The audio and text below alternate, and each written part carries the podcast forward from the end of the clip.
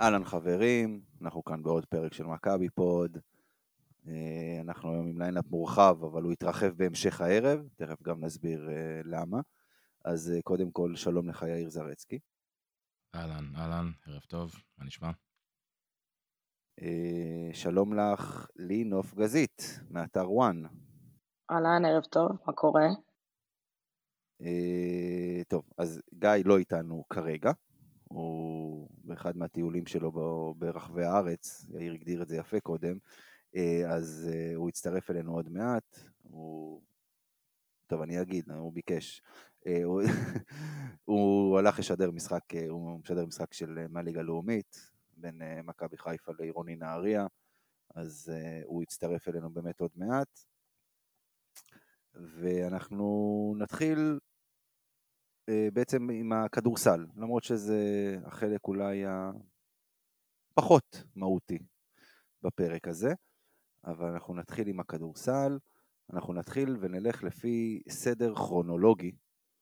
אמ, אנחנו נתחיל דווקא עם המשחקים בשבוע שעבר, אה, משחקי היורוליג, הניצחון על בסקוניה, ההפסד מול, אה, מול הכוכב האדום, או מול, אפשר להגיד, מול הנכסית שלנו. כמה שנים לא ניצחנו את הכוכב האדום? אה, יותר מדי בשביל לזכור. אה, כמה שנים טובות, לא זוכר בדיוק. נכון, בית, חוץ, אנחנו מפסידים בכוכב האדום, נקודה. כאילו... אה, יש שם איזה חמישה-שישה ברצף, כן. מאמנים התחלפו, שחקנים הלכו, העולם שלהם התחלף, אבל תוצאה נשארת אותו דבר. כן, אבל בואו בוא נתחיל דווקא מבסקוניה. משחק שברובו, אני חושב, היינו, אשכרה אפשר להגיד שהיינו טובים.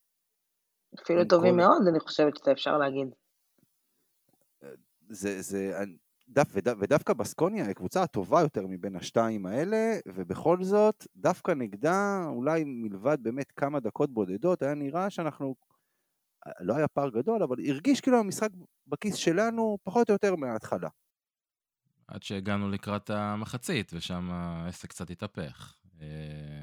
קודם כל אתם אומרים היינו טובים, אבל היו כמה שחקנים שהיו ממש לא טובים במשחק הזה, בעיקר אה, לורנזו שהיה אה, בהופעה הכי גרועה שלו, מספרית בטוח במכבי.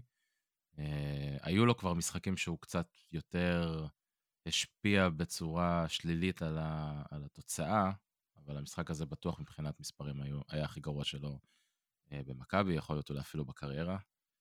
היה לי תוכנית מאוד מאוד יפה לבדוק את העסק הזה, אבל אז אה, נושאים אחרים נכנסו יותר לפוקוס, אה, שנגיע אליהם בהמשך. שזה בכלל מעניין, בתקופה שבה, תמיד אומרים, הכדורסל הפך להיות משני, אנחנו מתכוונים uh, לכל האירועים שקורים במדינה, המלחמה וכל מה שמתלווה לזה, איכשהו הצליחו במכבי תל אביב להפוך את הכדורסל אפילו לא להיות משני. משני, משני של המשני. משני למשני, כן. אז uh, אה, אז, אז אם נחזור רגע בכל זאת למשחק נגד בסקוניה, אז אה, אני חושב שהמסקנה העיקרית מהמשחק הזה, מבחינתי לפחות, זה שהתקפית מכבי תל אביב, גם ביום שבו לורנזו בראונד ווייד בולדווין, אחד במשחק מאוד מאוד חלש, השני לא ביכולת הטובה שלו, אה, עדיין מצליחה להגיע ל-89 נקודות. אני חושב שזה אומר הכל. אנחנו...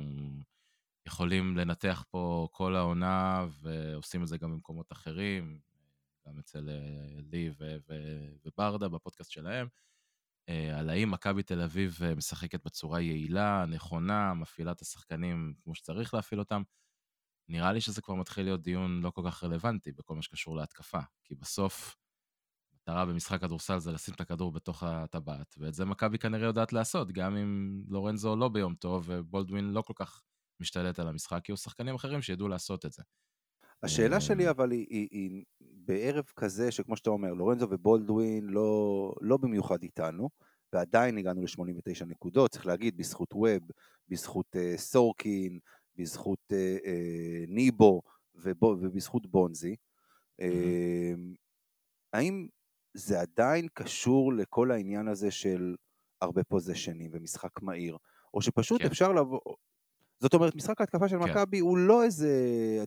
למרות, למרות הסקור הגבוה שמגיעים כמעט כל משחק, לא, תראה, קודם כל, קודם כל אמר, אה, אמר עודד קטש בריאיון סוף משחק שלו את זה בצורה מאוד מאוד ברורה, היה לו שם ציטוט שמספר את כל הסיפור. אה, אמר, אתה יודע, גם כשסופגים 50 נקודות במחצית, זה לא אומר שהתוכנית משחק לא עובדת, התוכנית משחק של מכבי תל אביב, ולשחק פייס גבוה, אה, כמה שיותר פוזיישנים. בסוף, גם אם אתה לא הכי יעיל בליגה, אבל אתה משחק את הכי הרבה פוזיישנים, אז לפחות בצד של ההתקפה, אתה כנראה תקלע הרבה. אוקיי? אה, ברור שהיה יכול להיות יותר טוב, יש מקום לשיפור והכל, אבל בסופו של דבר, אתה רואה את מכבי תל אביב, משחק אחרי משחק אחרי משחק, גם כשהיא מנצחת, גם כשהיא מפסידה. בצד של ההתקפה, אה, מגיעה לנקודות שלה. ואתה אמרת, זה היה בזכות זה, בזכות זה, בזכות זה. אז נלך משחק אחד אחורה, אם אני לא טועה, נגד הנדולו, אז אתה תגיד שחקנים אחרים לגמרי, אתה תגיד תמיר, אתה תגיד קליבלנד, עוד פעם ווב, אבל בסוף זה כאילו, זה נראה שזה לא, לא יותר מדי משנה. הקבוצה כבר נמצאת בתוך איזשהו סיסטם מסוים. אמ, שחקנים כבר יודעים ומבינים, בטח אלה שהם פה שנה שנייה, אה, יודעים איפה הם צריכים להיות, מתי, אה, ומה הם יכולים לקחת ומה הם לא. אה, ואתה רואה שזה בסוף, ברמה הזאת זה עובד. כאילו, זה הצד ההתקפי. צד של ההגנה, לא יודע, אני כאילו, בסדר, זה, זה מה יש כנראה. אז, אז, אני שאל, אז אני אשאל אותך רגע לי, אה, בהקשר הזה באמת אה, יאיר הזכיר את ההגנה, אבל אם אנחנו מצד אחד מדברים על פייס גבוה ועל הרבה פוזיישנים ועל משחק מאוד מהיר ועוד פעם, כל קבוצה יש לה הרבה יותר כדורים, אז סבירות די גבוהה, עוד פעם, מלבד כמה קבוצות אולי ביורוליג, שגם נספוג יותר נקודות. כי עדיין, כי כמו שלנו יש יותר פוזשנים, גם למתנגד יש יותר פוזשנים. אז זאת הסיבה שמכבי היא לא צריכה להיות קבוצת top הגנה ביורוליג. אם היא top התקפה ביורוליג והיא top התקפה ביורוליג, וכמו שאמר יאיר, ה system עובד והשיטה עובדת והיא עובדת נהדר, והעובדה שהיא עובדת נהדר זה דווקא מה שיאיר אמר, שביום לא טוב של לורנזו בראון, וביום לא טוב התקפית, אה, ואני מדגישה את ההתקפית, כי הגנתית הוא היה מדהים, אה, של בולדווין, היא עדיין הייתה נהדרת בהתקפה. אם נלך שנה אחורה, זה לא היה עובד ככה. ולכן היא לא צריכה, היא לא צריכה להיות נהדרת הגנתית, היא לא צריכה לעצ... לעצור את הקבוצות שלה על 70-75 נקודות. זה גם לא השיטת משחק של קאטש, זה גם לא יכול לקרות בקצב הגבוה הזה. היא צריכה לשמור בצורה סבירה כדי לנצח משחקים. אה, אני אפילו לא אומרת טובה, היא צריכה לשמור בצורה סבירה כדי לנצח את המשחקים, ולצערי, ברוב המשחקים, היא גם את זה לא עושה. אמ, וכשהיא עשתה את זה מול בסקוניה, ושמרה רוב המשחק בצורה סבירה פלוס, היא ניצחה את המשחק. ואז הגיע המשחק נגד הכוכב, והיא שוב לא שמרה בצורה, לא רוצה לקרוא למה שקרה, היה שם הגנה, כי לא, זאת לא הייתה הגנה.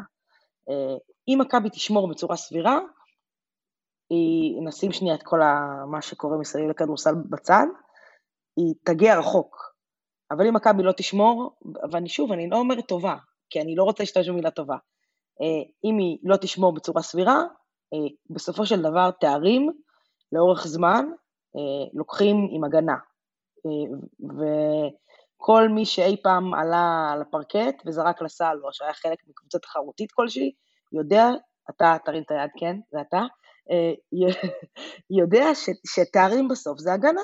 אה, עם כל ה... באמת, ה, ה, אפשר להתרשם, ובצדק, מהמשחק התקפה ש, של מכבי, שנראה באמת נהדר, בסופו של דבר, מכבי צריכה לשמור בהגנה.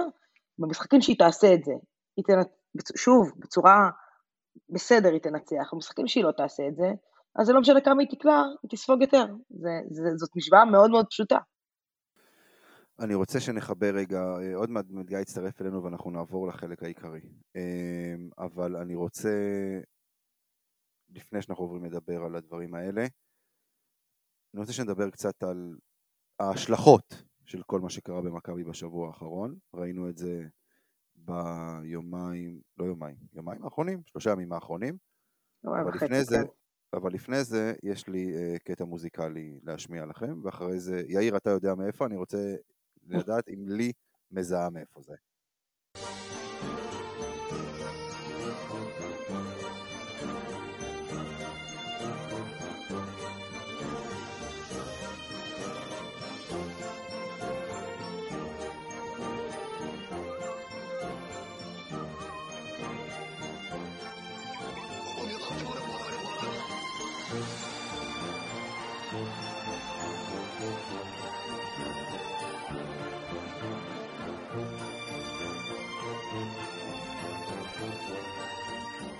אני עוד שנייה עליתי פה על נעלי הבלט שלי והתחלתי לרקוד. אני חושב שזה הדבר הכי רחוק מבלט שזה יכול להיות. אה, את מזהה מאיפה זה? אני חלשה מאוד בזה, מאיפה זה? תוכנית טלוויזיה אה, שנקראת אה, הישראלים. של מה קשור. אוקיי, יפה. יפה, יפה. הקשר יפה, כן. נכון? חיבור יפה. אפשר יפה, כן. יפה, יופי, כן, אני שמח. טוב, ותודה ליאיר שעזר לי למצוא את זה באינטרנט. אה, אז, אז עוד פעם, אנחנו ניגע בכל מה שקרה במכבי, אבל אחת ההשלכות של כל מה שהיה במכבי זה שראינו שני משחקים של מכבי ללא זרים.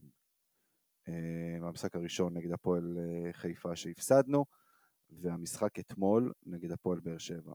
ודיברנו על משחקים קצת, אני רוצה שניגע גם אם לא בצורה מקצועית, כי אני לא חושב שאפשר לקחת משהו מקצועי מה, אה, אה, מהמשחקים האלה, אבל מה שראינו אתמול, ואגב, גם נגד הפועל חיפה, מה, מהשחקנים הישראלים של מכבי, אני חושב שהפתיע את כולם. תקנו אותי אם אני צודק. לא, לא הייתי, אני לא הייתי משתמש במילה, במילה הפתעה. אמ, אני באופן אישית מי שהנחתי ש, שייקח על עצמו יותר, לקח על עצמו יותר,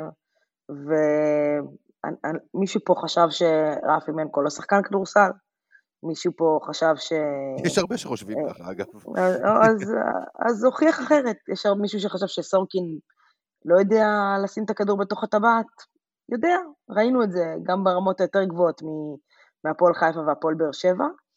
אמ, אני, אני לא חושבת שהיכולת הפתיעה אותי, כמו הביטחון שהרבה מאוד שחקנים שיחקו בו. אה, זה, זה יותר הפתיע אותי, כי אתה יודע, כל האמירה על מכבי תל אביב תמיד זה שזה בית קברות לשחקן הישראלי, ו, ולשחקנים הישראלים במכבי תל אביב אין ביטחון, והם לא יכולים לקלוע, והם מפחדים שהם עולים על הפרקט, ופתאום ראו ששחקן, ילד בן 17 עולה על הפרקט ומשחק כאילו הוא בעל בית. ורפי מנקו משחק אה, 35-38 דקות והוא נראה טוב מאוד. וכנ"ל ג'יי כהן וכמובן רומן. אה, האמת, אני לא חשבתי שמול באר שבע זה יספיק, אבל, אה, אבל מסתבר שטעיתי.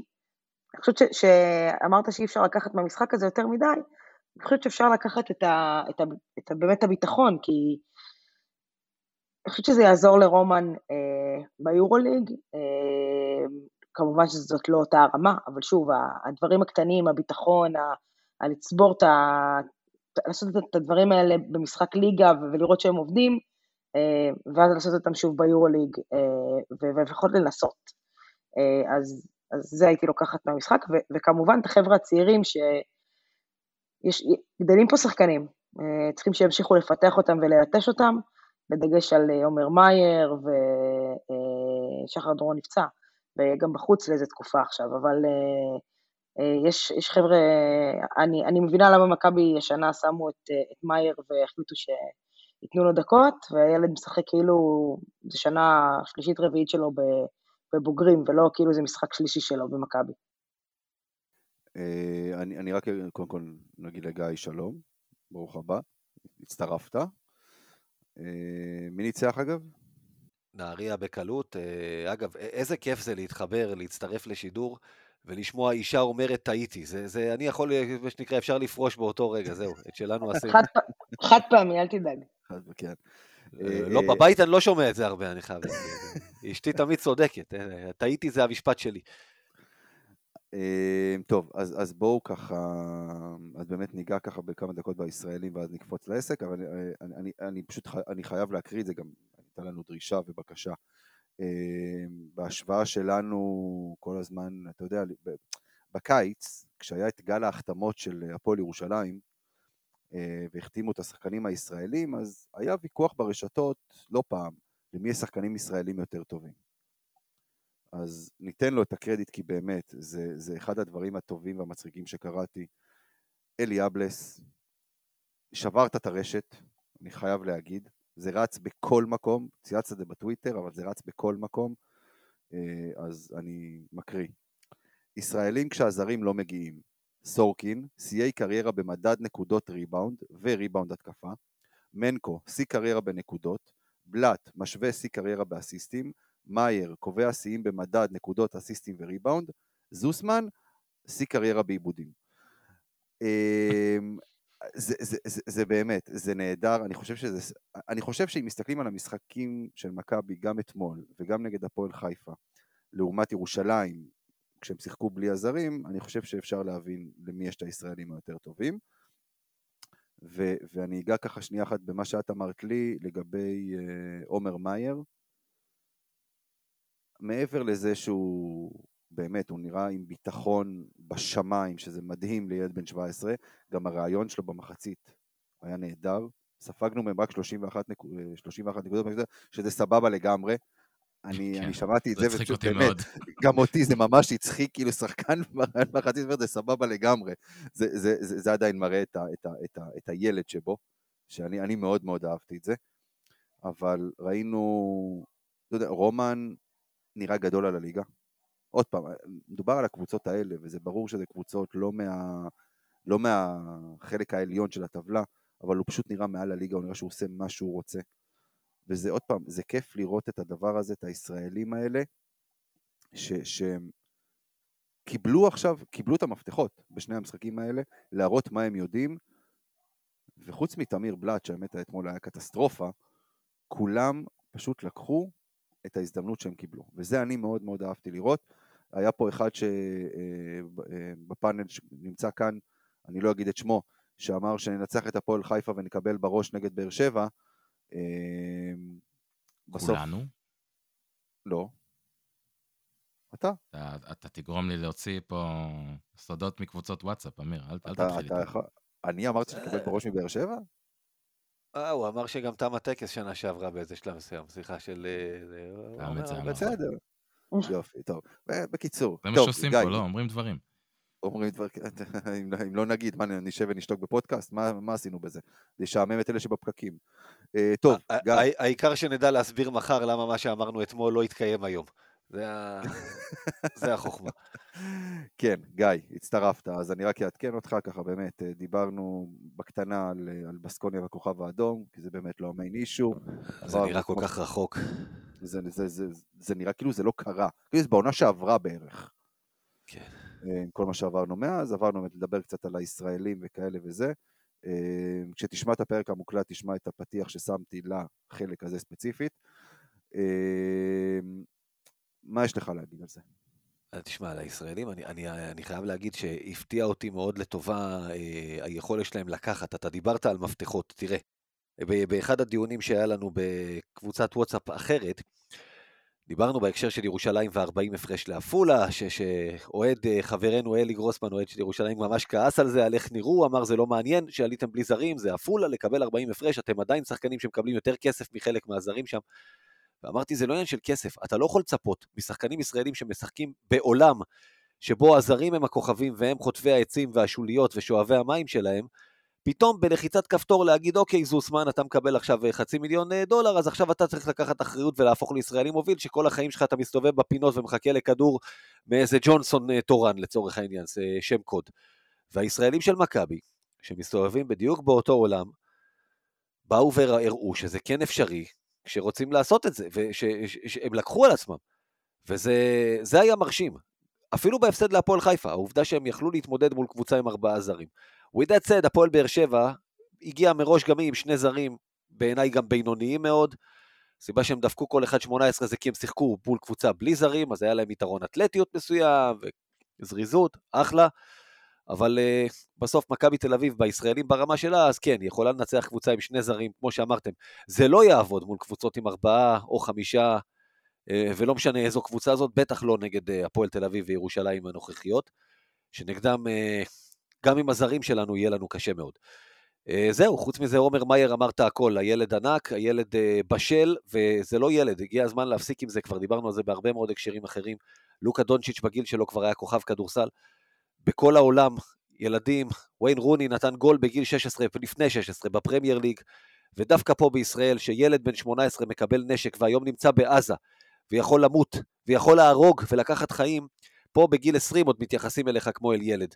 מי שטוב צריך לשחק גם בגיל 17, בטח אם הוא מישהו שבנוי כמו עומר מאייר, שבנוי כמו מבוגר ולא כמו ילד. די, נו, גיא. אתה, אתה, רוצה להגיד לי, ראית אתמול את המשחק, ופתאום קלע איזה סל, לא צעקת, יופי ילד? אה, ברור, אין שאלה, אתה יודע, אבל, אבל אה, זה בסדר. בראבו ילד זה אין מה לעשות, זה, זה בסדר, אבל, אבל לא צריך להתייחס ככה. זה בדיוק נכון. הנקודה. עומר מאייר צריך לשחק כדורסל. בן שרף למשל ידע את זה, ובן שרף אה, יש גם מי שבונה לו את הקריירה, ואני מניח שגם עומר מאייר, אם הוא, כמו שאתה אומר, אם הוא דיבר בכזו בגרות אתמול, יש גם מי שאולי מלמד אותו ומתדרך אותו בדברים האלה. אני רק אגיד שמי שבונה את הקריירה לבן שרף ומי שבונה את הקריירה לעומר מאייר זה אותו סוכן. אותו אחד, אוקיי, זה הגיוני, יפה. יפה, אז הנה, אה, זה, זה, זה עונה על השאלה. כן, הם, הם צריכים לדעת איך לעשות את זה כבר מהגיל הזה, ואני מאחל לילד הזה, הנה, אני שוב קורא לו ילד, אבל עדיין, שיגיע באמת הכי גבוה שאפשר. אה, הוא יכול, הוא רק צריך להמשיך אה, לקחת על עצמו, לא לפחד, ושייתנו לו, שייתנו לו, שייתנו לו, שייתנו לו. אם הוא דבר אחד למדנו מהשבוע, זה גם כשהזרים יחליטו שבא להם לגמור עם השביתה האיטלקית שלהם ולחזור לארץ, הוא צריך להמשיך לקבל, לפחות בליגה, מבחינתי גם ביורוליג אפשר לתת לו כמה דקות פה, כמה דקות שם. יאיר. עומר מאייר, קודם כל, אה, מעבר לכל מה שאמרתם, אני חושב שיש לו את האלמנט ה- ה- היחידי, ש... או האלמנט העיקרי ששחקן ישראלי צעיר, בטח גארד, צריך שיהיה לו, וזה העובדה ש... אמ, שאין לו אלוהים.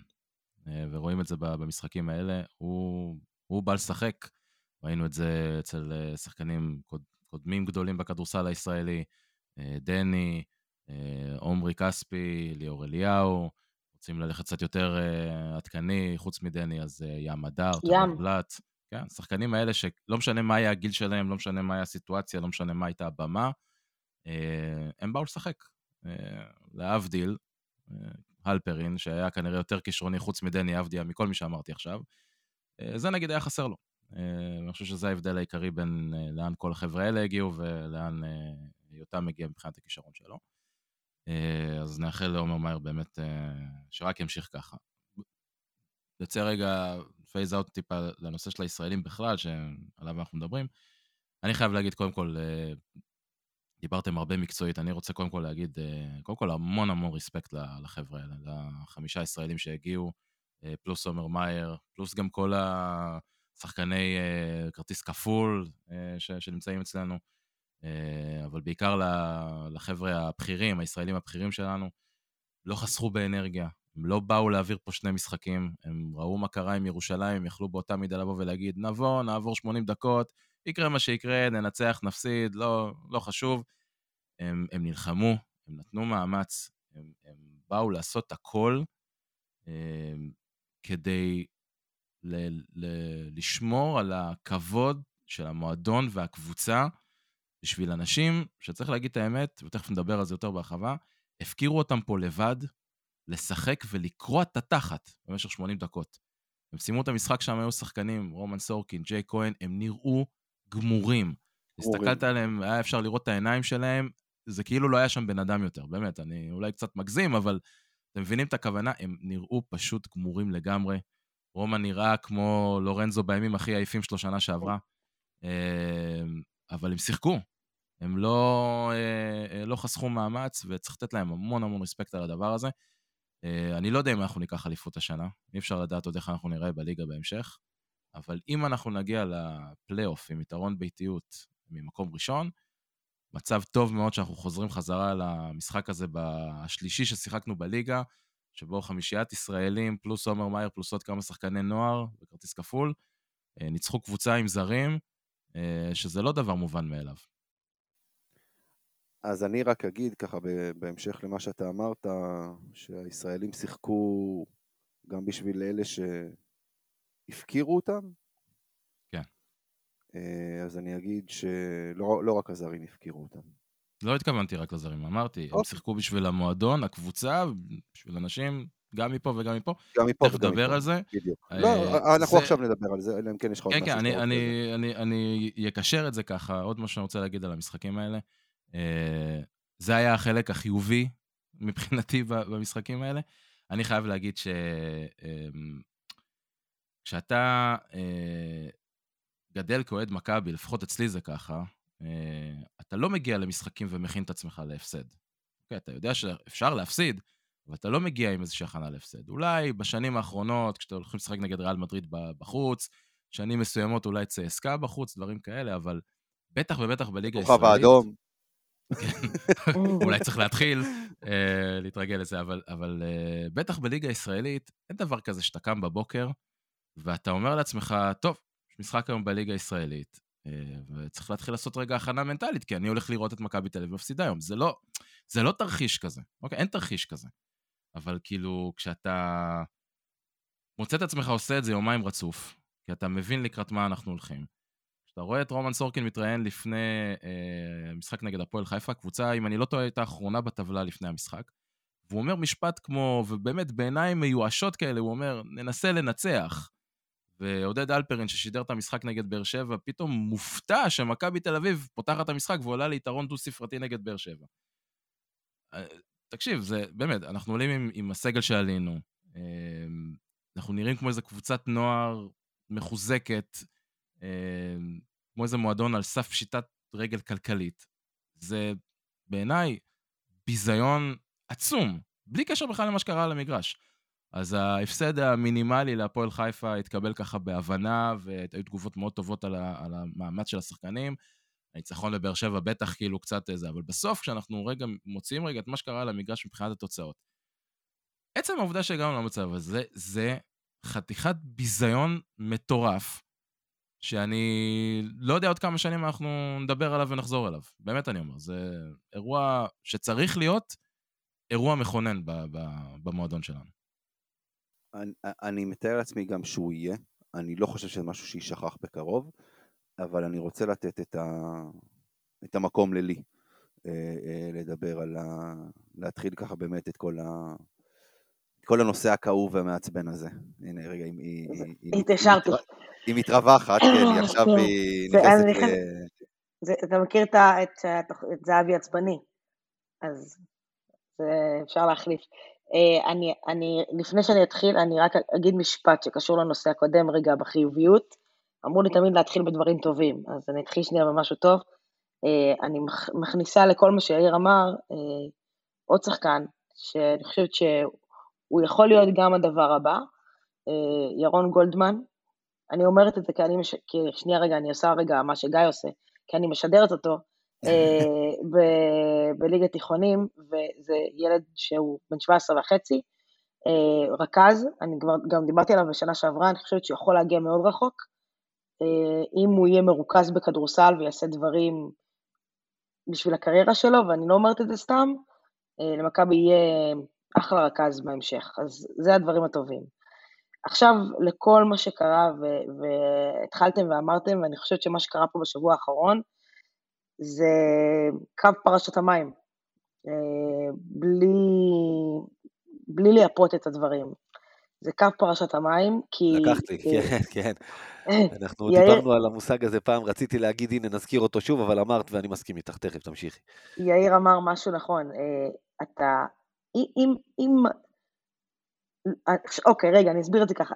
אם במכבי לא יתעוררו, אה, להכין את עצמך להפסד נגד הפועל חיפה ונגד אה, הפועל באר שבע, אם לא יתעוררו, אתה תתחיל להכין את עצמך להפסדים מול הפועל תל אביב ומול הפועל ירושלים בצורה יומיומית, ואתה תתחיל להסתכל על הפועל תל אביב ועל הפועל ירושלים, ואני לא מאמינה שאני הולכת להגיד משפט כזה, אבל בסוג של קנאה למה שקורה שם, לעומת מה שקורה אצלך בקבוצה. ואני לא אומרת את זה סתם. עכשיו, ואני אגיד עוד משפט שהוא קצת קשה, אבל אני מקווה מאוד שעצם העובדה שמכבי כקבוצת נוער מחוזקת, מה שאיר אמר, נראתה סביר ובסדר והפסד מינימלי במשחק הראשון וניצחון במשחק השני, לא יגרום לאנשים שם למעלה להגיד, טוב, יאללה, בוא נעביר עוד, עוד קצת כזה, או נביא איזה שחקן זר אחד כדי שלא נקבל את הקנס, או שתיים. אמ, מה שקרה זה לא רק הפרשת מים, זו, זאת סתירה מהדהדת מכל הכיוונים. גם סתירה מהדהדת, ואני מדברת רגע על הצד של השחקנים הזרים, ש... של זרים למועדון ולאוהדים שהרימו אותם והריעו להם והפכו אותם לכוכבים, כי הם כוכבים, אה, וברגע האמת שצריך להתייצב לצד המועדון ולצד אותם אוהדים ש... חלק מהם נלחמים היום בעזה וחלק מהם לא איתנו כבר, אה, הם הפנו את הגב לאותם אוהדים, למרות שמלחמה ולמרות שלא נעים להגיע לפה, בסדר? למרות כל זה ונסיבות מקלות ועדיין. והצד השני, שאני, מישהו במכבי צריך להתעורר ולהבין, שאם הוא לא הבין את זה עד היום, שהפירמידה הזאת, אם אפשר לקרוא לה פירמידה, של איך התקציב בנוי, לא יכול לעבוד בשנת 2023 במדינת ישראל. ו- וקיבלנו את ההוכחה לזה ב- בשבוע האחרון. אה, אם אתם רוצים, אני, אני יכולה גם טיפה לרדת יותר לרזולוציה של מספרים ולהבין מה... להסביר. רוצים, רוצים. רוצים. אוקיי. חשוב. אוקיי, אז, אז אה, הקיזוז, אה, אחרי חישוב שיאיר עזר לי בו, הקיזוז המדובר לחודשיים, אנחנו מדברים רגע על תקופה של חודשיים, הוא באזור ה-6 מיליון שקלים.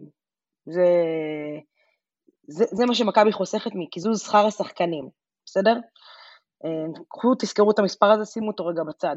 אה, תקציב הקבוצה עומד פלוס מינוס באזור ה-90 מיליון שקלים, בסדר? רגע, חשוב רגע להדגיש פה, כשאת אומרת תקציב, רק שהמאזינים יבינו, אנחנו לא מדברים פה על תקציב שחקנים, אנחנו מדברים על תקציב התפעולי של מכבי תל אביב, כדי לפתוח את האור בתחילת העונה ולסגור אותו בסוף העונה, או זה עולה למכבי תל אביב 90 מיליון שקל. נכון, 90 מיליון שקל, מתוכם בערך 50 אחוז, שזה אומר 45, 45 מיליון שקלים, מנויים וכרטיסים. בסדר? כמובן שהרוב מנויים. זאת אומרת, מכבי מתבססת, כשהיא פותחת את האור ומרימה את השלטר בתחילת העונה, היא מתבססת, 50% מהתקציב שלה מתבסס על המנוי שהאוהדים קונים, אוקיי? עכשיו, מצב שנקלענו אליו, יש מלחמה, אה, אין משחקים, זאת אומרת בואו נשים רגע את המשחקי ליגה בצד ונודה על האמת שמי שקונה כרטיסים ומנויים זה כנראה למשחקי היורוליג. אה, מכבי תצטרך בקונסטלציה מסוימת להחזיר כסף לאוהדים על אותם מנויים. באה מדינת ישראל ואמרה, אוקיי, אנחנו מבינים שהקבוצות נפגעו, אגב, מכל, מכל הקבוצות אה, בישראל, מכבי תל אביב בכדורסל נפגעה הכי הרבה, בסדר? משמעותית מכל קבוצה אחרת, גם בטוח בכדורסל וגם בכדורגל. ואת זה, אגב, ואת זה, אגב, לי צריך כל פעם להזכיר ולהגיד שכששואלים למה בהפועל ירושלים אה, לא מקצצים, למה בהפועל תל אביב, בהפועל חולון, למה הם מחתימים, כי ההפסדים של מכבי תל אביב הם פחות או יותר בגובה התקציב של שתי הקבוצות האלה. נכון. רק ההפסדים. וזה נכון. מה שצריך לשים על השולחן. וזה עדיין לא צריך לעניין לא את האוהדים ולא את השחקנים. עזוב, עזוב, גיא, אתה נכנס פה עוד פעם עכשיו לעניין של פרשנויות. עזוב מעניין לא, אנחנו מדברים עכשיו נתונים יבשים. זה הכל. אוקיי, עכשיו בואו בוא ניקח עוד נתון אה, מספרי. חודש בבלגרד עולה למכבי תל אביב באזור ה-100 אלף דולר. בסדר? חודש בבלגרד אומר, אה, השחקנים אה, שיכנו אותם בדירות שם, את הפועל תל אביב ואת הפועל ירושלים, כמו שאני יודעת, ואני אומרת את זה כמו שאני יודעת, אה, הם בבלון שם כשהם מגיעים לשם, בסדר? שיכנו אותם בדירות יחד עם כל המשפחה שלהם, אה, רכבים כמו בישראל, כשבמקביל הדירות שלהם פה נשמרות עדיין, זאת אומרת, מכבי עדיין משלמת על הדירות שלהם פה, בסדר? אה, תוסיף לזה, אתה יודע, את כל הדברים ש... אימונים, עוד אולם שמזכירים וכולי וכולי וכולי, באזור ה-100 אלף אה, אה, דולר אה, לחודש, כל הסיפור הזה, הטסות, להטיס, להביא לפה, להטיס עוד פעם לשם, להטיס את הבני משפחה, וכולי. וכולי וכולי. רגע, בני המשפחה... בני המשפחה. נמצאים איתם. של השחקנים הזרים. נכון, נמצאים נכון. איתם, בסדר? אמ, להטיס אותם, להביא אותם, להחזיר אותם, לתת, בסופו של דבר אתה רוצה לתת לשחקנים את ההרגשה ש... שהם בבית שלהם, למרות שהם לא בבית שלהם.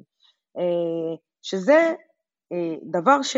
שאין, הפועל תל אביב עכשיו פה, הפועל ירושלים עכשיו פה, אין את זה בקבוצות האחרות.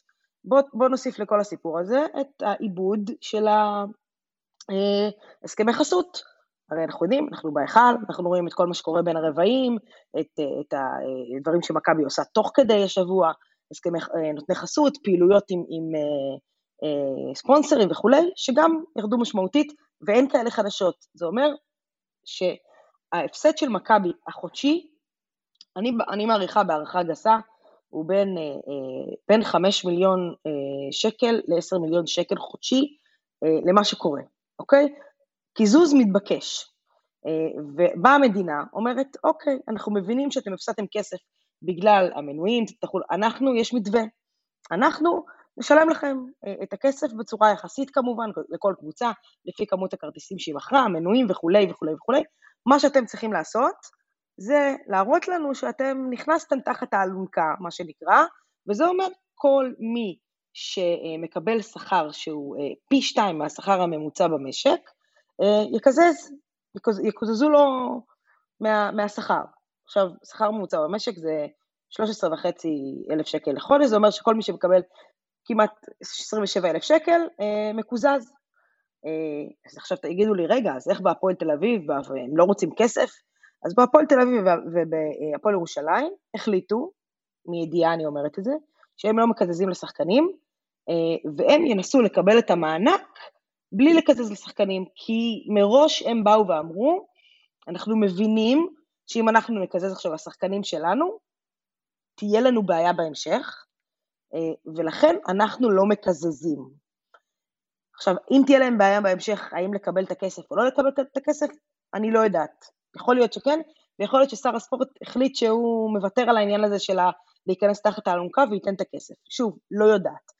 אבל יודעת שהם ראו מרחוק ואמרו, תהיה פה בעיה עם השחקנים הזרים, יהיה לנו קשה אחר כך לדרוש מהם להגיע לישראל, ולכן אנחנו לא מקצצים. זה מה שקרה שם. אה, האם מכבי חייבת קיצוץ? כי עכשיו אני, אני מחזירה אתכם למספר הראשון של ה-6 אה, מיליון וה-90 מיליון וה-45 מיליון של, ה, אה, של המנויים, כן, כי מקור ההכנסה העיקרי של מכבי תל אביב זה לא הבעלים, זה המנויים. ולכן היא הייתה חייבת לעשות פה קיצוץ. אגב, הקיצוץ הוא, הוא לא רק לשחקנים, הוא גם לעובדים, הוא גם לכל העובדי מערכת וכולי וכולי וכולי. אמ, ולכן מכבי תצטרך, אני לא יודעת איך, תצטרך למצוא מישהו שם שיכניס את היד לכיס כדי לסגור את הבור הזה, אה, כי בתחילת העונה, אתם זוכרים מה אמרנו? יש שלוש שנים הזדמנות לעשות פה משהו, אם זה לא ייסגר איכשהו עם כסף עמוק ויד עמוקה לכיס, זה לא יקרה. לי נכנסה למספרים, כן, גם ממה שאני יודע, זה, זה, אלה המספרים פחות או יותר, תראו בסוף. ריגרדלס, אה, קודם כל, המעשה של הזרים שיאיר הזכיר, שבסוף, איך שאני רואה את זה, יש לך שתי אפשרויות בתור עובד בכל מערכת ובכל חברה. או שאתה אומר, אני לא מסכים להרעת תנאים, לתנאים כאלה או אחרים ודברים כאלה, אני מבחינתי, פיטרתם אותי, אתה יכול לקום, אתה יכול לרצות ללכת, תפנה לבית דין לעבודה, תעשה מה שאתה רוצה. אם אתה נשאר, אתה לא עושה חצי עבודה. להגיד אחלה, אנחנו נשחק, אבל רק ביורוליג. שכר מקוצץ, שחקן מקוצץ. זה לא עובד ככה. אה, האוהדים כועסים ובצדק, וזה החלק שלהם. אה, לעניין המספרים, הכל, הכל נכון, וההפסד הוא עצום. אבל כשאתה בונה את התקציב שלך, כשאתה בונה חלק כל כך משמעותי בעצם על היכולת שלך לשחק ביד אליהו ועל ההיכל. אתה בעצם בונה את, ה, את, ה, את הכסף שלך על מימון חיצוני. זה כמו שבחור בגיל שלי פחות או יותר יחיה על חשבון אבא שלו, או משהו כזה, ימשיך אבא לשלם עם הכרטיס אשראי את ההוצאות. יום אחד אתה תריב עם אבא שלך, יבוא אבא יגיד זהו, אין כרטיס אשראי, מבטל, עכשיו לך תדאג לחיים שלך. אני עכשיו אבוא לילדים שלי ואגיד, תקשיבו, סבא קיצץ בכסף, אז uh, עכשיו אין חוגים, אין דברים כאלה.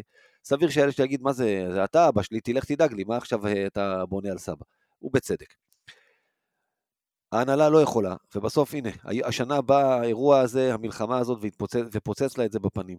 אי אפשר לנהל עסק בסדר גודל של מכבי, ולהמשיך לבנות על כסף שיבוא מבחוץ, ולא יבוא מבפנים. אין אפשרות לעשות את זה, זה לא יחזיק מים.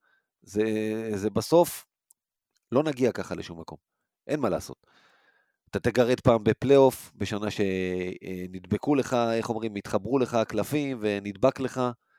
הנה, עברה שנה מהעונה המאוד מוצלחת שעברה. כולם ציפו לקפיצת המדרגה, אה, מישהו פה אמר הישג פיינל פור 2024, היה איש כזה, יאיר? עוד משהו שאמרתי. בדיוק, לא יקרה. למה לא יקרה? כי האחרים שמו כסף, איך אמרנו, האחים ינקופולוס מצאו את הכרטיס אשראי בבית, מצאו את הקוד או משהו כזה, אה, מילאנו המשיכה לספוך כסף, וזה כל זה בלי הרוסיות, ואתה לא במשחק הזה. אתה פה אני לא בטוח שאני מסכים איתך, אבל תמשיך. אתה בשביל לשדרג את החוזים של לורנזו ובולדווין, מראש הורדת זר אחד, אה, הורדת ישראלי אחד, עשית פה קיצוצים אחרים, השארת את הקבוצה סוג של במקום דרוך, הזר האכזר לעמדה ארבע וחצי לא הגיע, כל זה דיברנו.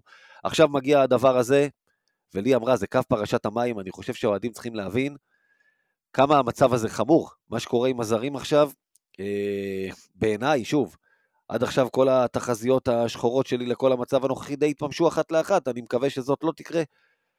וייד בולדווין לא יהיה פה מעבר לקיץ הבא בעיניי אה, בסיטואציה הנוכחית, והקיץ הזה זה, זה איזשהו גג. אה, אני לא יודע מה עם לורנזו, אני לא יודע איזה אופק רואה שחקן שהוא רואה את הדברים האלה. הם, בסוף, שניים מהם, השניים האלה, דיברנו על זה, נשארו. חלק מהעניין זה התוספת שנתנו להם, ובעצם חלק גדול מהתוספת הזאת עכשיו באים ואומרים להם, אנחנו חותכים לך, נשלם לך שנה הבאה, כן נשלם, אם יהיה פה שנה הבאה. המצב הזה הוא בעייתי מאוד, ומכבי תל אביב נמצאת במצב שהעתיד לא נראה טוב, וזה לא מדבר עכשיו רק על היורוליג, אתם יודעים, אני, אנחנו ילידי, ילדי שנות ה-90, ואנחנו עברנו שנים בשנות ה-90, לא באמת היינו פקטור באירופה, אבל כל שנה שהתחילה אתה ידעת שהיא תיגמר עם גזירת רשתות וחגיגות אליפות ביד אליהו ו-3-0 קליל בגמר, אנחנו גם לא במקום הזה. יש מועדון עכשיו בליגה הישראלית עשיר יותר מאיתנו. יש מועדון נוסף שקיבל תיאבון וגם הוא מתחרה. ואלה שני מועדונים שאנחנו לא אוהבים, ואנחנו בקצב הזה אולי גם נראה עוד הרבה חגיגות שלהם על הפרצוף שלנו. Uh, המועדון, כמו שאנחנו מכירים אותו, חייב לעשות את החשיבה מחדש, את ההחלפת uh, uh, דיסקט קראו לזה אצלנו, כמו שלי אמרה, זה להביא את הבן אדם הנוסף שיביא כסף, אני יודע שלא ששים לזה, אני לא רואה אופציה אחרת כרגע. במבנה הבעלות הנוכחי, אתם לא, יש עכשיו את הבור הזה שאני לא מבין, לא יודע מאיפה יסגרו. הפיצוי הממשלתי לא יכסה את זה, כבר דיברנו על זה. אה, זהו. הפיצוי, הפיצוי הממשלתי, גיא, הוא לא... הוא, הוא, אוקיי, רגע, עוד נקודה קטנה. משרד הספורט ייתן לכל הקבוצות שאירחו בחו"ל, ביחד, חמישה מיליון שקלים. זה, זה כולל את מכבי תל אביב כדורגל, מכבי חיפה כדורגל, אה. הפועל ירושלים, הפועל תל אביב, ומכבי כן. תל אביב בכדורגל. לכל אלה חמישה מיליון על כל כן. מה שקורה בפועל. אז אנשים במכבי דיברו על זה שהפיצוי הממשלתי אה, אה, למכבי, הם אולי אומרים באופטימום יגיע ל-7 מ-8 מיליון, בסדר? וזה אופטימום שהבור, את אמרת, הוא, הוא פי כמה וכמה מזה. ככה או ככה, זה לא קרוב. אה, זה ישאיר אותנו עם בור שאת התוצאות נרגיש גם בשנה הבאה. שוב, אם לא יבוא עכשיו מקור כסף נוסף, שהוא לא האוהדים, והמצב הזה, נגיד אותו בשפה יפה, חרבנה, חד משמעית, אין דרך אחרת להגיד את זה. אה, יהיה קשה להשאיר פה שחקנים, בטח שיהיה קשה לשדרג את הקבוצה. אה, השריון ביורוליג ייתן לנו אה, להמשיך שם, אבל בואו, אין לנו שום רצון להיות הווילרבן או האלבה ברלין של השנה הבאה. זהו, ובליגה אמרנו גם, השחקנים רואים את זה, ואותם זה לא מעניין, הזכרנו קודם. לא מעניין אותם שלהפועל תל אביב אין את ההוצאות האלה ולירושלים אין. הם רואים את הפועל תל אביב מחתימה עכשיו שני שחקנים, ולירושלים אף אחד לא נוגע בכיס, ולהם נוגעים. הם פה כדי להתפרנס. זה לא מעניין אותם עכשיו. יותר מזה, אתם יודעים, דיברנו על ההוצאה הזאת שנחתה עלינו, שאתה בונה על היכולת שלך לארח במדינת ישראל משחקים, ואתה חי במדינת ישראל, אתה חייב שתהיה לך תוכנית מגירה, והזכרתי את זה. ישראל היא לא שווייץ, כל כמה שנים יש פה מלחמה. אז אוקיי, את ההיקף הזה לא חזית. אבל אגב, היו התראות, היו תחזיות בתוך המודיעין לדברים האלה. מי שרצה להקשיב לזה, ידע שתבוא הקטסטרופה הזאת. ואני מניח שגם ראשי מכבי מקורבים לאנשים הנכונים, שגם הם יכלו לשמוע את הקטסטרופה הזאת שמתקרבת, ואולי כמו האחרים, אנשים בחרו לעצום עיניים ולאטום אוזניים. בהשכלתי, אגב, אני מזרחן, אבל אה, אז אתם רוצים, אני אתן לכם איזה מזרחנות 101, וזה לא, לא נוגע למכבי כדורסל? לא, לא, פחות. לא, נגיעה קטנה. חיזבאללה מסתכל על כל מה שקורה עכשיו, ואיראן מסתכלת על כל מה שקורה עכשיו. ואם אנחנו, וכמו שזה נראה, אנחנו מתבוססים בבוץ ולא נכריע את חמאס, וסליחה עכשיו על ההרצאה, תוך כמה שנים, וזה יכול לקרות עוד שנה, או שנתיים או עוד חמש, להם יש את הסבלנות, בערבית אומרים עלאמה הסברין, לאלוהים נמצא עם מי שיש לו אורך רוח, הם יחכו לשעת הכושר, אבל הם יבואו עם משהו כזה, וחיזבאללה היכולת שלו היא פי כמה, אז אם מישהו חושב שאנחנו אה, לא נחווה את הסבב הזה ואת המציאות הזאת עוד פעם, ותהיה עוד פעם מציאות כזאת, ואז זה, זה יהיה לא חודשים לא לארח בישראל, זה יכול להיות הרבה יותר גרוע. אז שוב, כדאי לאנשים לעשות את החשיבה מחדש. לא בטוח שאתה תוכל אה, להמשיך ולקבל את היכולת המאוד בסיסית הזאת לקבל את ההכנסות מהמנויים, מהאוהדים, מהמזרן המנח ומתקלה מהמזרן ומכל המשחקים האלה שכמו שיאיר אמר ששי סידי עושה, ונותן לך עוד, אה, עוד, עוד, עוד כסף. כי לא בטוח גם בשנים הבאות מתי תהיה לך יכולת לארח כאן, ואתה חייב, כמו כל עסק, אתה חייב לבנות בישראל, וכמו הממשלה בישראל, שתהיה לך תוכנית מגירה, מה עושים בסיטואציה הזאת. טוב, קודם כל תודה רבה לגיא על הפרשנות הביטחונית. אה, ניר, ניר דבורי כבר מסתכל אה, ככה מעבר לעורף. כן, יאיר. טוב, קודם כל, תשמע, גיא, אם, אם אנחנו נכנסים למערכה עם חיזבאללה ועם איראן, אני חייב להגיד לך, הדבר, כנראה הדבר האחרון שיעניין אותי זה אם וייד בולדמן רוצה לשחק בליגה הישראלית או לא.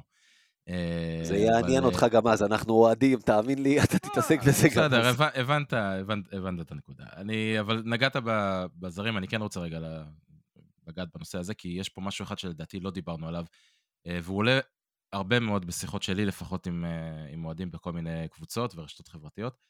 אה, המון המון ביקורת על, ההנהלה בהקשר הזה של איך הם נוגעים בכסף של השחקנים, אה, זה הדבר האחרון שצריך לעשות. גם גיא אמר את זה פה, אתה לא מגלגל את ההפסדים שלך לעובדים והדברים האלה. אז אני רוצה להגיד, אה, קודם כל, אה, אני חושב שהרבה מאוד אוהדים לא כל כך יודעים את זה, ובפודקאסט שלי וברדה נגעתם בזה טיפה. צריך להדד את הדבר הזה.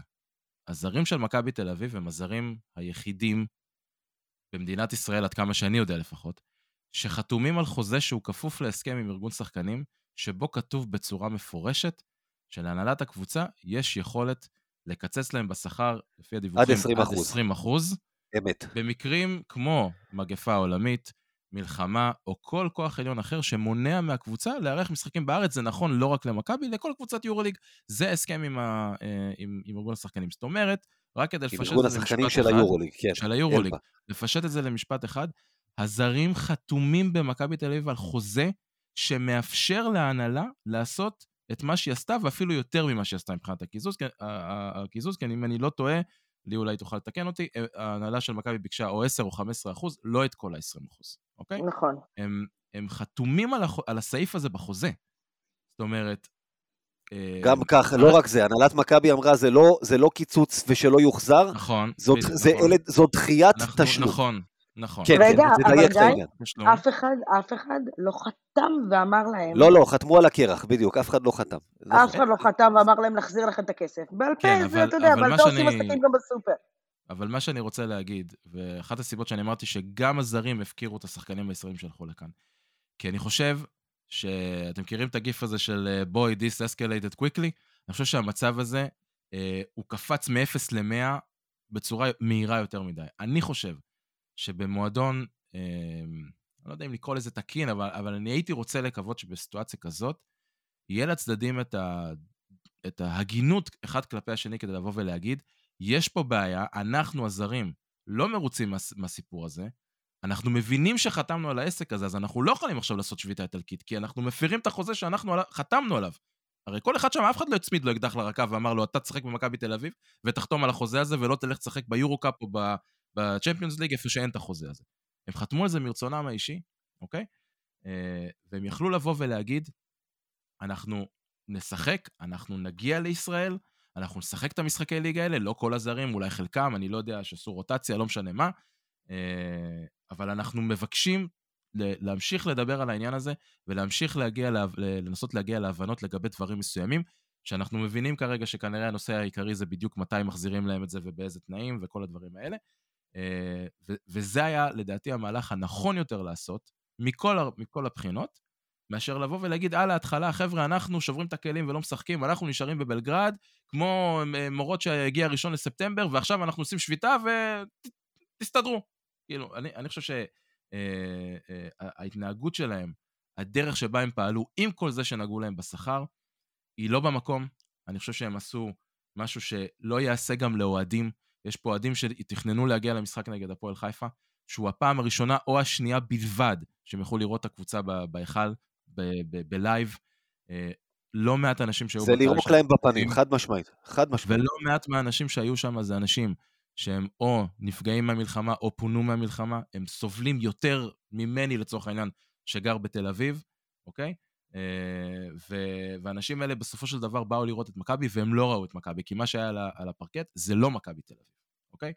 אה, אני חושב שהם היו צריכים לנסות לפתור את הדבר הזה אה, תוך כדי, תוך כדי משחקים, לפחות התאריך מסוים, הוא להגיע לאיזשהו, להגיד מראש, אנחנו שמים איזשהו דדליין, תחילת ינואר, לא יודע, שבוע ראשון של ינואר, לא פתרנו את זה, רק תדעו, אנחנו מפסיקים לשחק בליגה הישראלית או משהו, או משהו בסגנון הזה.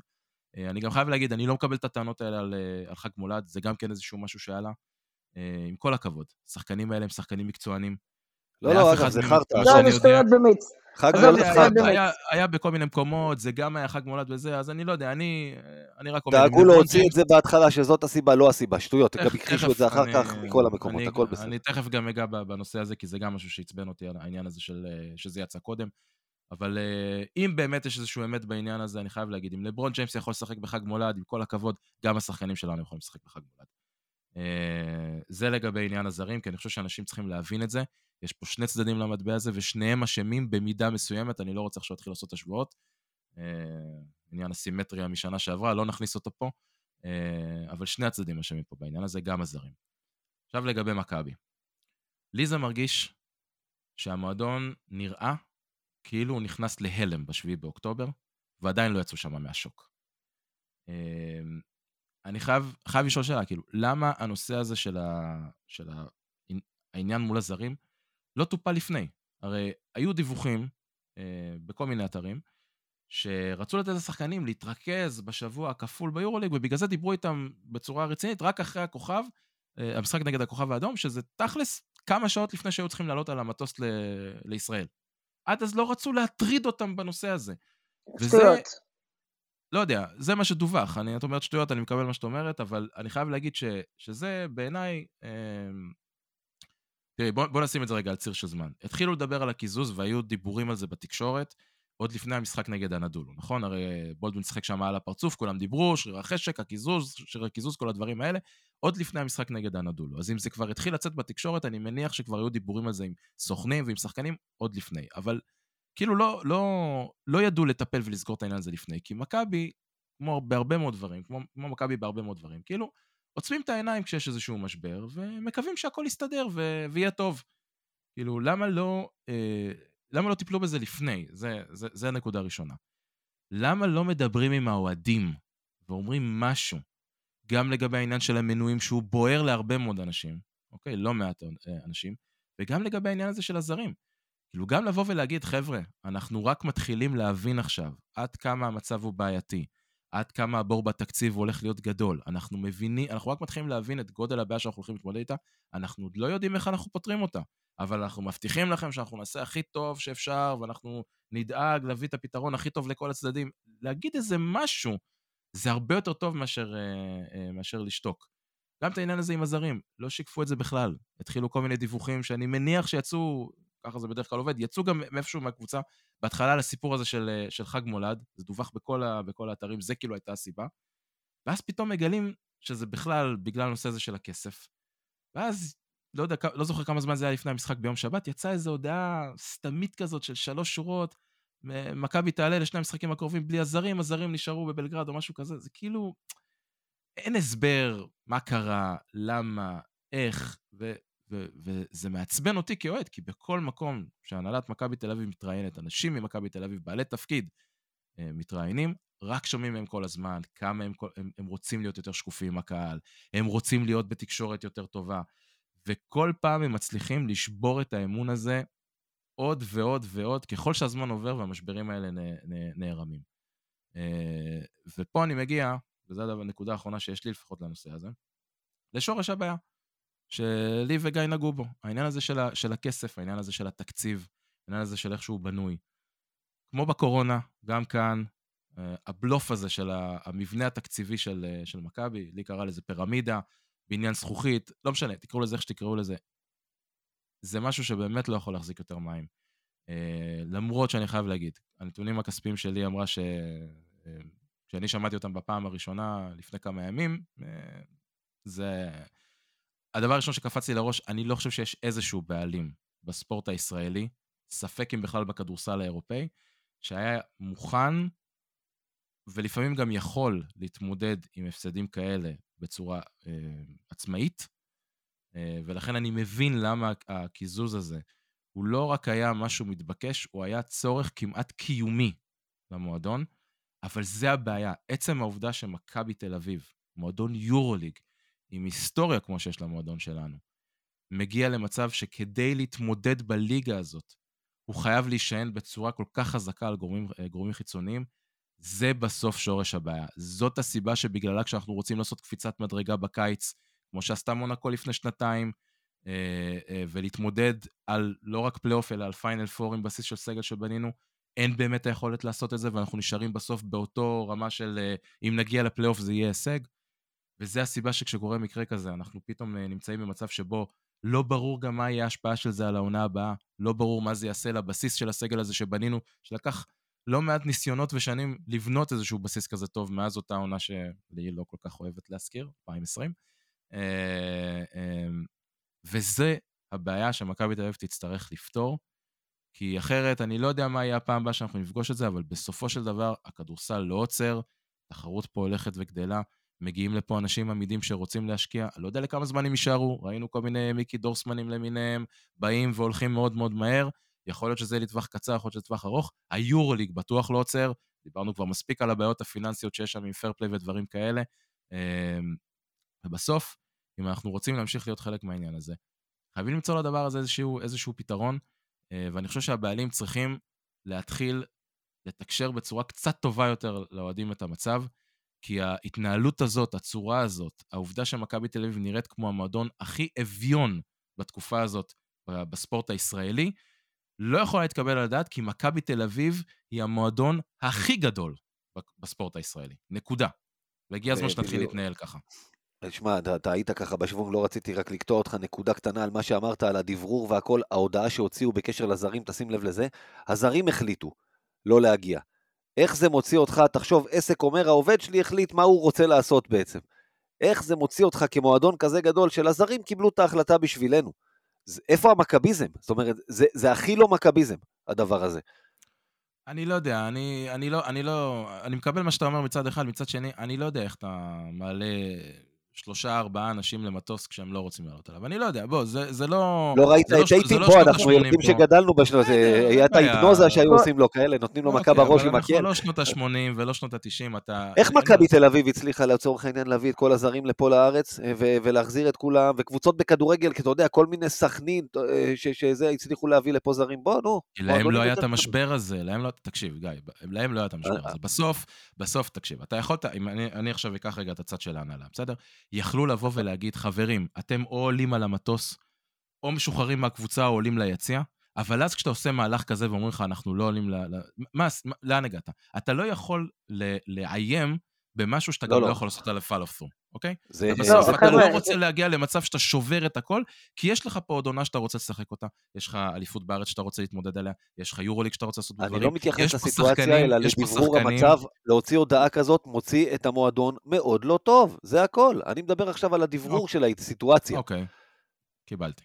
בוא, אתה יודע... כל ההתנהלות, כל ההתנהלות של, של מכבי, מרגע אה, הודעה, אני לא אלך כמו, כמו אה, יאיר שמר מה-7 באוקטובר, אבל כל ההתנהלות של מכבי מהרגע ש, שהתחיל כל הדיבור הזה על הקיזוז עד היום, בעיניי לא ברור, בעיניי לא נכון ובעיניי רע מאוד.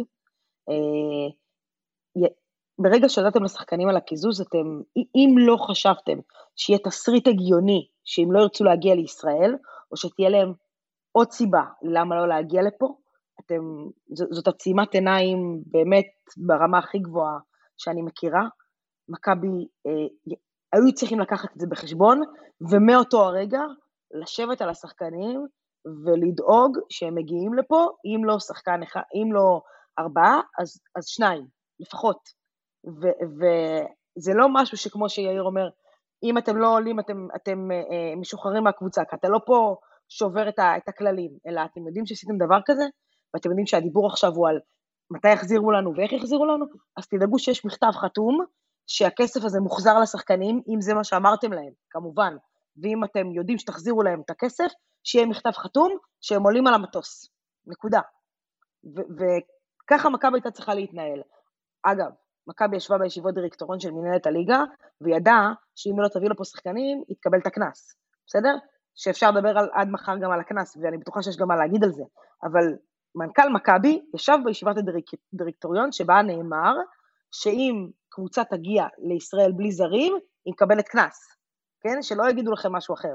שזה אדיר אגב, גם... כן?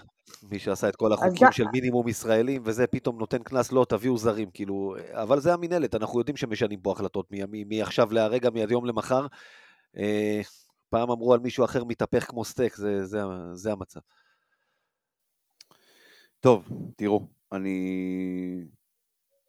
אני רוצה להגיד קודם כל דבר אחד, ולהתחיל, גיא הזכיר שמ-7 לאוקטובר מכבי לא התנהלה כמו שצריך, זה לא נכון. מכבי ב-7 לאוקטובר התנהלה בצורה מופתית. עצם הוצאת הזרים מישראל עם המשפחות, כל מה שלי אמרה, אה, אם זה השכרת הדירות ואם זה לדאוג לזרים כמה שאפשר בבלגרד, זו התנהלות סופר מקצוענית, סופר מקצועית, שצריך רק להחמיא למועדון על ההתנהלות הזו. ושם בעצם נגמרות המחמאות. מפה מתחילה הביקורת. אני מסכים עם כל מה שאמרתם לגבי עניין התקציב. אי אפשר להמשיך בצורה הזו. אני לא רוצה עוד פעם, אני לא, אני לא אחזור על כל מה שאמרתם, אני רק אומר, אני מסכים לגמרי עם מה שאמרתם לגבי העניין של התקציב וההסתמכות אה, של 50% מהתקציב השנתי על המנויים, זה לא יכול להיות. אי אפשר להמשיך ברמה כזו שכשצריך חיזוק לקבוצה בתקופות נורמליות, בסדר? לא מלחמה, לא קורונה, לא המייט, בעונה נורמלית שרוצים להתחזק, שרוצים להגיע עד הסוף, אי אפשר להביא שחקן חיזוק ומביאים את בריימו, כבודו במקומו מונח. הדברים האלה לא יכולים להימשך, וצריך באיזשהו שלב כבר להפסיק ולעצור את זה. ההנהלה התנהלה פה בצורה לא נכונה. גם אם הקיזוז הוא נכון והוא מוצדק, וכמו שהעיר אמר, יכול מאוד להיות שזה צורך קיומי של המועדון, הקיזוז היה צריך להיות לא בטוח שבצורה הזו. אנחנו לא יודעים בדיוק איך, מה ולמה ואיך איך ציירו את זה ואיך, גישו, ואיך איך, איך אמרו את זה לשחקנים הזרים. אנחנו לא היינו שם בחדרי חדרים, אנחנו לא יודעים. אבל בעיניי, אגב, כמו שאני רואה את זה, אם, אם השחקנים הזרים עדיין באים ואומרים שלמה להפועל תל אביב לא ולנו כן, יש פה לדעתי בעיה באיך דבררו מהמועדון לשחקנים הזרים. אולי במועדון לא אמרו לשחקנים הזרים כמה המועדון הזה הולך להפסיד מהעונה הזו. אני לא יודע, שוב, אנחנו לא היינו שם. אבל השחקנים הזרים צריכים להבין שעצם ההשוואה בין הפועל תל אביב והפועל ירושלים למכבי תל אביב היא לא רלוונטית, ולי אמרה את זה פה בצורה הכי חדה עם המספרים שהיא הציגה. גם אם המספרים שלה לא מדויקים ויש סטייה של עשרה אחוז לכאן או לכאן, עדיין מדובר במספרים אדירים, אדירים. שלדעתי אם, אתה מוצ... אם מוציאים את הפועל תל אביב והפועל ירושלים מהתמונה, הסכום שמכבי תל אביב הולכת להפסיד העונה זה סכום מצטבר של התקציב של כל קבוצות הליגה שלנו, מלבד, מלבד אה, תל אביב, הפועל תל אביב והפועל ירושלים, פלוס מינוס. ההנהלה צריך, ואגב, לגבי העניין ה... ואת הטיסות אין קבוצה שתפרפר כמו מכבי תל אביב, כי העומס ביורוליג, כמו שאמרתם, עומס משחקים אחר, אז הללכת לחזור הזה יהיה פי כמה. עזוב את זה, קודם כל כמובן, כן, צריך לקחת את זה בחשבון, מכבי תל אביב מבחינת היורוליג גם ככה היא הקבוצה שטסה הכי הרבה מבין כל קבוצות היורוליג. עכשיו, בעונה רגילה, עכשיו תוסיף גם את כל הטיסות לארץ, הטיסות, כאילו, זה, זה, זה, דברים אדיר, זה דברים שאי אפשר אפילו להבין ולא חושבים עליהם מראש. כל הטיסות האלה זה גם סכנת פציעות לשחקנים, צריך לקחת את זה בחשבון. אמ, כשאתם דיברתם עכשיו על הדברור של מכבי לאוהדים, אני יכול להגיד שאני דיברתי עם מישהו במכבי לגבי העניין הזה, ואני אמרתי לו שאולי כדאי, כי, כי אנחנו עוד פעם, אנחנו חשופים להרבה מאוד אוהדי מכבי, אם זה דרך קבוצת הפייסבוק, אם זה דרך הקהילה שלנו בוואטסאפ, דרך חברים שהם אוהדי מכבי, ואנחנו מדברים עם כולם, ו, אנשים באמת מנויים ששילמו אלפי שקלים, לא, לא יודעים מה קורה. ואני פניתי למכבי, למישהו במכבי ואמרתי לו, תוציאו איזושהי הודעה, משהו, גם אם ההודעה אומרת, אין לנו מושג מה הולך להיות מחר, או עוד שבוע, או עוד חודש. אבל זה היחס. הנה, לי פה כאישה יכולה להגיד, גם אם לא, גם אם אין מה להגיד, זה לפחות היחס, נכון לי? בשביל זה אנחנו פה, תן קצת, אה, קצת, חום, קצת חום ואהבה, קצת משהו. בדיוק, בדיוק. היחס הזה של אנחנו זוכרים שאתם שם, אנחנו זוכרים את האוהדים שלנו. אין לנו מה להגיד לכם, אנחנו לא יודעים. אמנם חזרנו לשחק בליגה, אנחנו לא יודעים לגבי משהו, אבל להוציא את ההודעה כדי להראות את היחס הזה לאוהדים, ושמכבי יודעים שהם שם. אמיר, רגע, אני מפריע, יותר מזה אני אגיד, כי לי זה הפריע, דיברתי על זה עם יאיר. אפילו ההודעה הזאת של מכבי משחקת יום שבת בליגה, נשמח לראות אתכם, כל מנוי שרוצה להיכנס, יש הרי הגבלה, לא כל המנויים יכולים להיכנס, כן? אה, יש לינק, זה הקישור, בואו תירשמו, נשמח שכמה שיותר אוהדים יגיעו לפגוש את השחקנים, לא, התגעגענו אליכם. אני, אני לא ראיתי משהו כזה, תקנו אותי אם אני, אם אני טועה ופספסתי. לא, לא, לא היה. אני, אני אגיד okay. אוקיי. משהו אחד רגע כן חיובי, בכל זאת, ב- להבדיל ש, שכן עשו עם אוהדים, ההזמנה של אה, משפחות אה, נרצחים וחטופים ליד אליהו להדלקת הנר וכל האירוח הזה שעשו ברגע שהקבוצה כן חזרה לארץ, כמו משפחת אלמוג גולדשטיין שהזכרתי פה באחד הפתיחים שלנו, שגם איבדה את אב המשפחה ואת האחות הגדולה, ובכל זאת שלושת הילדים והאימא חזרו לפה לארץ, הדברים האלה כן היו מבורכים. גם את הדברים הטובים צריך להגיד, ואת, ואת הדבר הזה עשו, והראו את האנושיות הזאת.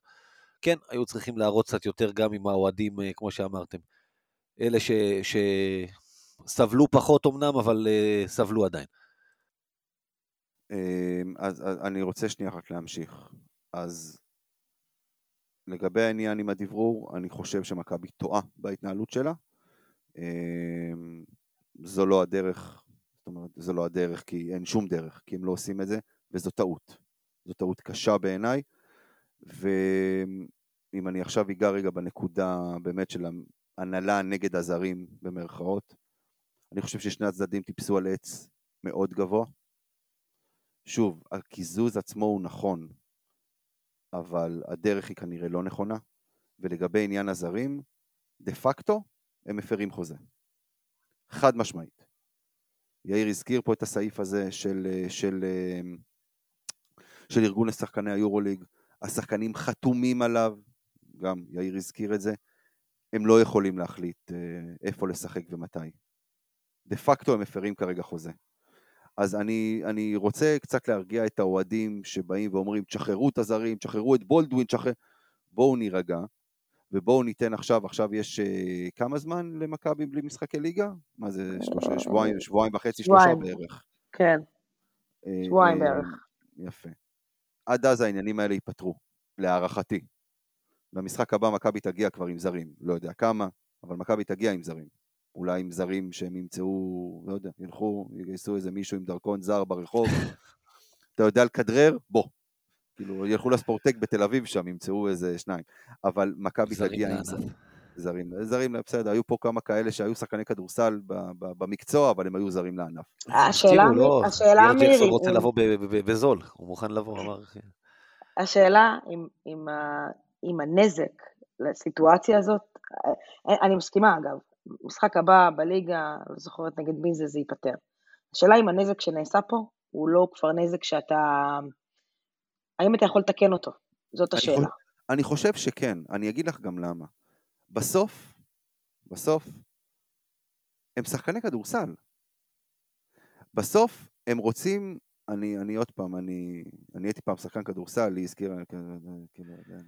אה, ולא קראו לך להשלים עניין בליגה, אתה מבין? אה, תאמין לי, איזה בושה, איזה בושה. לא אמרו לך, אמיר, בוא, קח עשרה שקלים, סע לבאר שבע. תשלים, אה, תשלים, אנחנו רק תשעה שם אה, וזה, עוד, עוד אה, שחר דורון נפצע בכלל, היו קוראים לך לדגל. בשביל ללבוש את המדים של מכבי הייתי משלם את העשרה שקלים האלה, לא צריך שישלמו לי. אמ, אבל כשעולים למגרש רוצים לנצח. רוצים לנצח. ומעבר לזה, גם אם אני לוקח את התסריט שאתה אמרת, גיא, שבקיץ לורנזו או בולדווין או שניהם לא יהיו פה, הם משחקים עכשיו על החוזה שלהם. הם משחקים עכשיו על החוזה הבא שלהם. ואיך זה ייראה, איזה חוזה הם יקבלו, ואיך זה ייראה מבחינתם, מבחינת הקריירה שלהם, כשהם פתאום יעשו סוג של שביתות איטלקיות על המגרש, שהם פתאום לא ייראו טוב על המגרש. אני לא קונה את זה, אני חושב שאת הנזק הזה אפשר לתקן, אבל זה צריך להיות עכשיו. זה צריך להיות במשחק הקרוב נגד ג'לגיריס. במשחק, ש... משחק יורוליג שהרבה יראו, בסדר? כמו כל משחק יורוליג באירופה, ויראו שמכבי, אה, איך אה, בוז'י הרצוג אמר? שמכבי על... אה, איך הוא אמר? נתניהו מאוחדת, אז שמכבי מאוחדת. ככה זה לא צריך להיות. אני חושב שאתה, עוד פעם, אמורות, יכולות להיות לדבר הזה השלכות מאוד מאוד הרסניות על העונה הזאת, כאילו, תחשוב. אני מסכים, מבחינת השחקנים. הקבוצה, כן, הקבוצה נפרדה, הישראלים הלכו לארץ עם, אה, אני מניח, עם, עם ההנהלה ועם הצוות המקצועי, הזרים נשארו שם עם אה, עוזר המאמן. אה, עכשיו הם אמורים להתאחד, אני לא יודע, נדמה לי יום רביעי, מחר, יום רביעי, להתאחד לקראת הטיסה לג'לגריס. מה כאילו, אמורים להיות שם פוצי מוצי, נשיקות וחיבוקים על, על בין ההנהלה לבין הזרים, בין הישראלים שנסעו וקראו את התחת לבין הזרים שנשארו שם לאימונים אישיים. הדברים האלה בסוף משאירים משקעים. ובסוף המשקעים האלה, לא משנה כמה אתה אה, מנסה למנוע את זה, יש סיבה למה אומרים, הדבר הכי חשוב אצל ספורטאי, חוץ מכמובן להיות בריא, זה שהראש יהיה נקי, שהוא יתמקד במה שקורה על המגרש, ומה שלא נמצא על המגרש, שלא יעלה על המגרש. הדברים האלה לא יכולים לעלות על המגרש, אין מה לעשות. זה... אה, אי, אי, אי אפשר יהיה להחביא את הדבר הזה. יש פה משבר אמון גדול בין הזרים לבין ההנהלה. שיזלוג, אני מניח, לתוך חדר ההלבשה ולתוך היחסים בין, בין השחקנים אה, ולמה שיקרה למגרש. יהיה קשה מאוד, אתה יודע, אני, אני... זה יהיה מפתיע מאוד אם אתה לא תראה לדבר הזה השלכות, גם אם במשחק שניים הראשונים איכשהו ננצח. ינואר הולך להיות חודש מאוד מאוד קשה מהרבה מאוד בחינות. אני חושב שהדבר הזה לכן צריך לפתור את זה. הרבה יותר קשה. כן, אבל... לכן, זה צריך לא... להיפתר. צריך להיות שם איזשהו סולם, להוריד דברים... את אחד מהצדדים מהעץ. יש דברים שאתה ו... פותר אותם והם עדיין משאירים משקעים ביחסים, ככה זה. בסדר גמור, עוד פעם, אני לא, עם זה, עם זה אני לא מתווכח, יאיר, אבל בסוף זו הקבוצה, אנחנו בתחילת העונה בישראל, בסדר? אנחנו סוף דצמבר, בישראל. אנחנו בתחילת העונה בישראל, כן, אנחנו באמצע העונה ביורוליג, אה, תחילת העונה בישראל, יש פה עוד לא מעט חודשים לשחק, ותפקיד ההנהלה ותפקידו של קטש, שרחמים עליו למען האמת, זה לנסות לתפור את הקרעים שנוצרו. קטש הוא מאמן של שחקנים, אני רוצה להאמין שהוא יצליח לעשות את זה עם כמה שפחות צלקות. תפקיד ההנהלה פה הוא למצוא פתרון למשבר שנוצר בגלל ההתנהלות שלה, בגלל הדרך שבה היא בנתה את התקציב של הקבוצה, בגלל אותו שורש הבעיה שדיברנו מקודם, שהביא אותנו למקום הזה, שמבדיל אותנו מהפועל תל אביב, הפועל ירושלים, הפועל חולון, יתר הקבוצות הישראליות. אמ, העובדה שאנחנו משתתפים במפעל שדורש רמה גבוהה של תקציב, שככל הנראה להנהלה שלנו אין את היכולת להעמיד אותו לבד, אה, אפילו לא קרוב לזה. הם עכשיו צריכים לפתור בעיה שבכלל לא הייתה אמורה להיות קיימת. וזה לא רק הריב עם הזרים, זה בכלל כל הנושא הזה, כל, הש... כל ההשפעה של המלחמה על הקבוצה. אני, אני, אני רק אגיד משפט אחד אחרון לגבי זה. אנחנו שומעים וקוראים הרבה מאוד אוהדים שאומרים שימכרו, שיכניסו שותף, ש, שיש את האמריקאים, אה, אה, את השותפים האמריקאים. אני מציע לכל האוהדים האלה להתחבר למציאות. כי כל הפתרונות האלה הם פתרונות לא ריאליים כרגע. הם לא יקרו כרגע. מכל מיני סיבות כאלה ואחרות, שהן לא רלוונטיות. זה לא יקרה כרגע. צריך להתחבר למציאות ולהבין, ואתה יודע, יאיר, כל הזמן אומרים, אני השופר, אני מגן על ההנהלה. אני לא מגן על ההנהלה, ואני לא השופר. אני לא קוטל את ההנהלה, כי זה מה יש. בסוף, זה מה יש. זאת ההנהלה שלך, זאת ההנהלה של מכבי, ועם זה צריך להתמודד. עם החולאים ועם החסרונות ועם הבעיות, זה מה יש. יעזור להתמרמר? יעזור לקטר? יש לי דברים אחרים בחיים לקטר עליהם, אגב, יותר חשובים מזה. מה לעשות? זאת המציאות. טוב, אנחנו, אה, אנחנו מאוד מאוד מעריכים בפרק הזה, אבל זה פרק ששווה באמת את, את הזמן הזה. אנחנו, עוד יומיים יש לנו משחק נגד ג'לגיריס.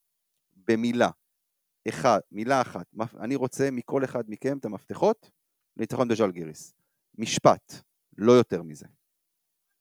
לי. איך אתה מתחיל איתי בסוף, אה? אה משפט? ladies first, כן. יפה. אה, אני, אני חושבת שמה שיקרה מ...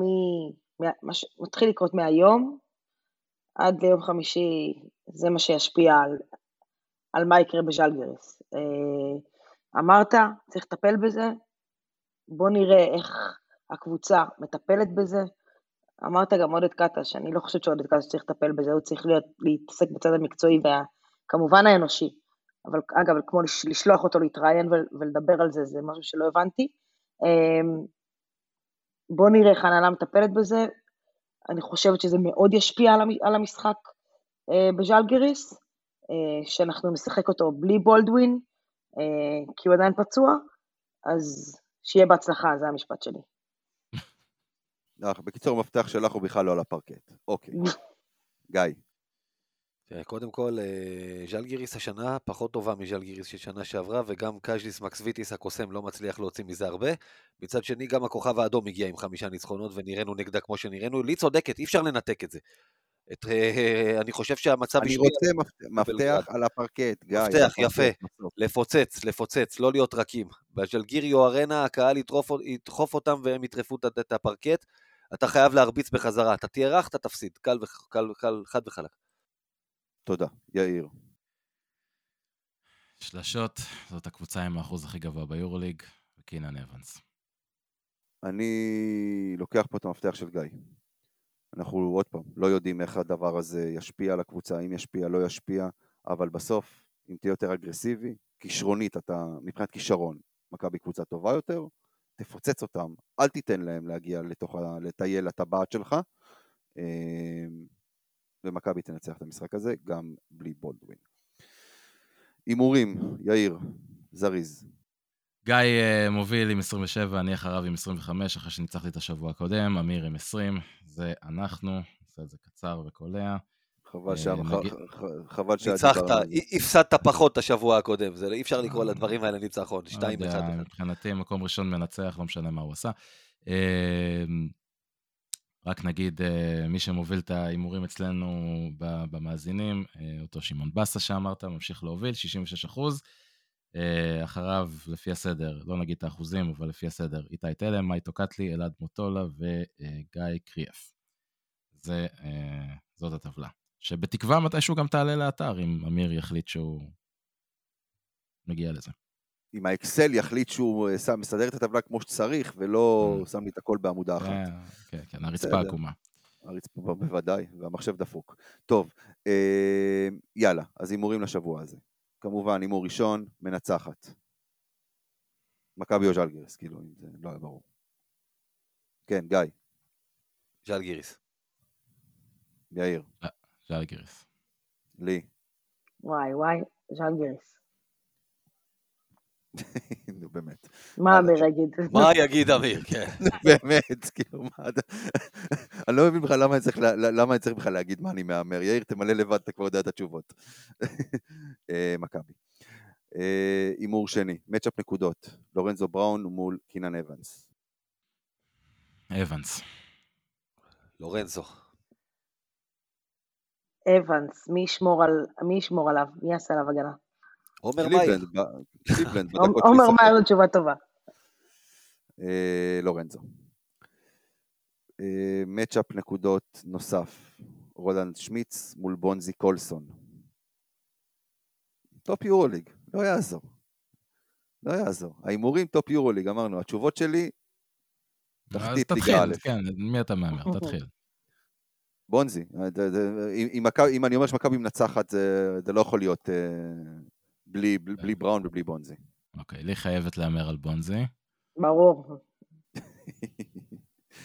הנה, עכשיו גיא יגיד, אני טים בונזי. לא, לא, כן, הוא כבר ויתר על זה. יש מהמלחמה כן. הזו. הוא התחבר למציאות בקטע הזה. אה, אני אלך גם על בונזי. רק בקטע של האריס הוא לא התחבר למציאות עדיין. נו, מה? אה, כן, טוב, לא, קודם כל כן. אני... אני אלך הפוך, אני אלך על שמיץ. מסוג השחקנים שבדיוק במשחקים האלה יבוא ויתפור אותך ויהיה... לא יגיד אקס פקטור, כי הוא קולע דו ספרתי, אבל הוא השמיץ. אוקיי.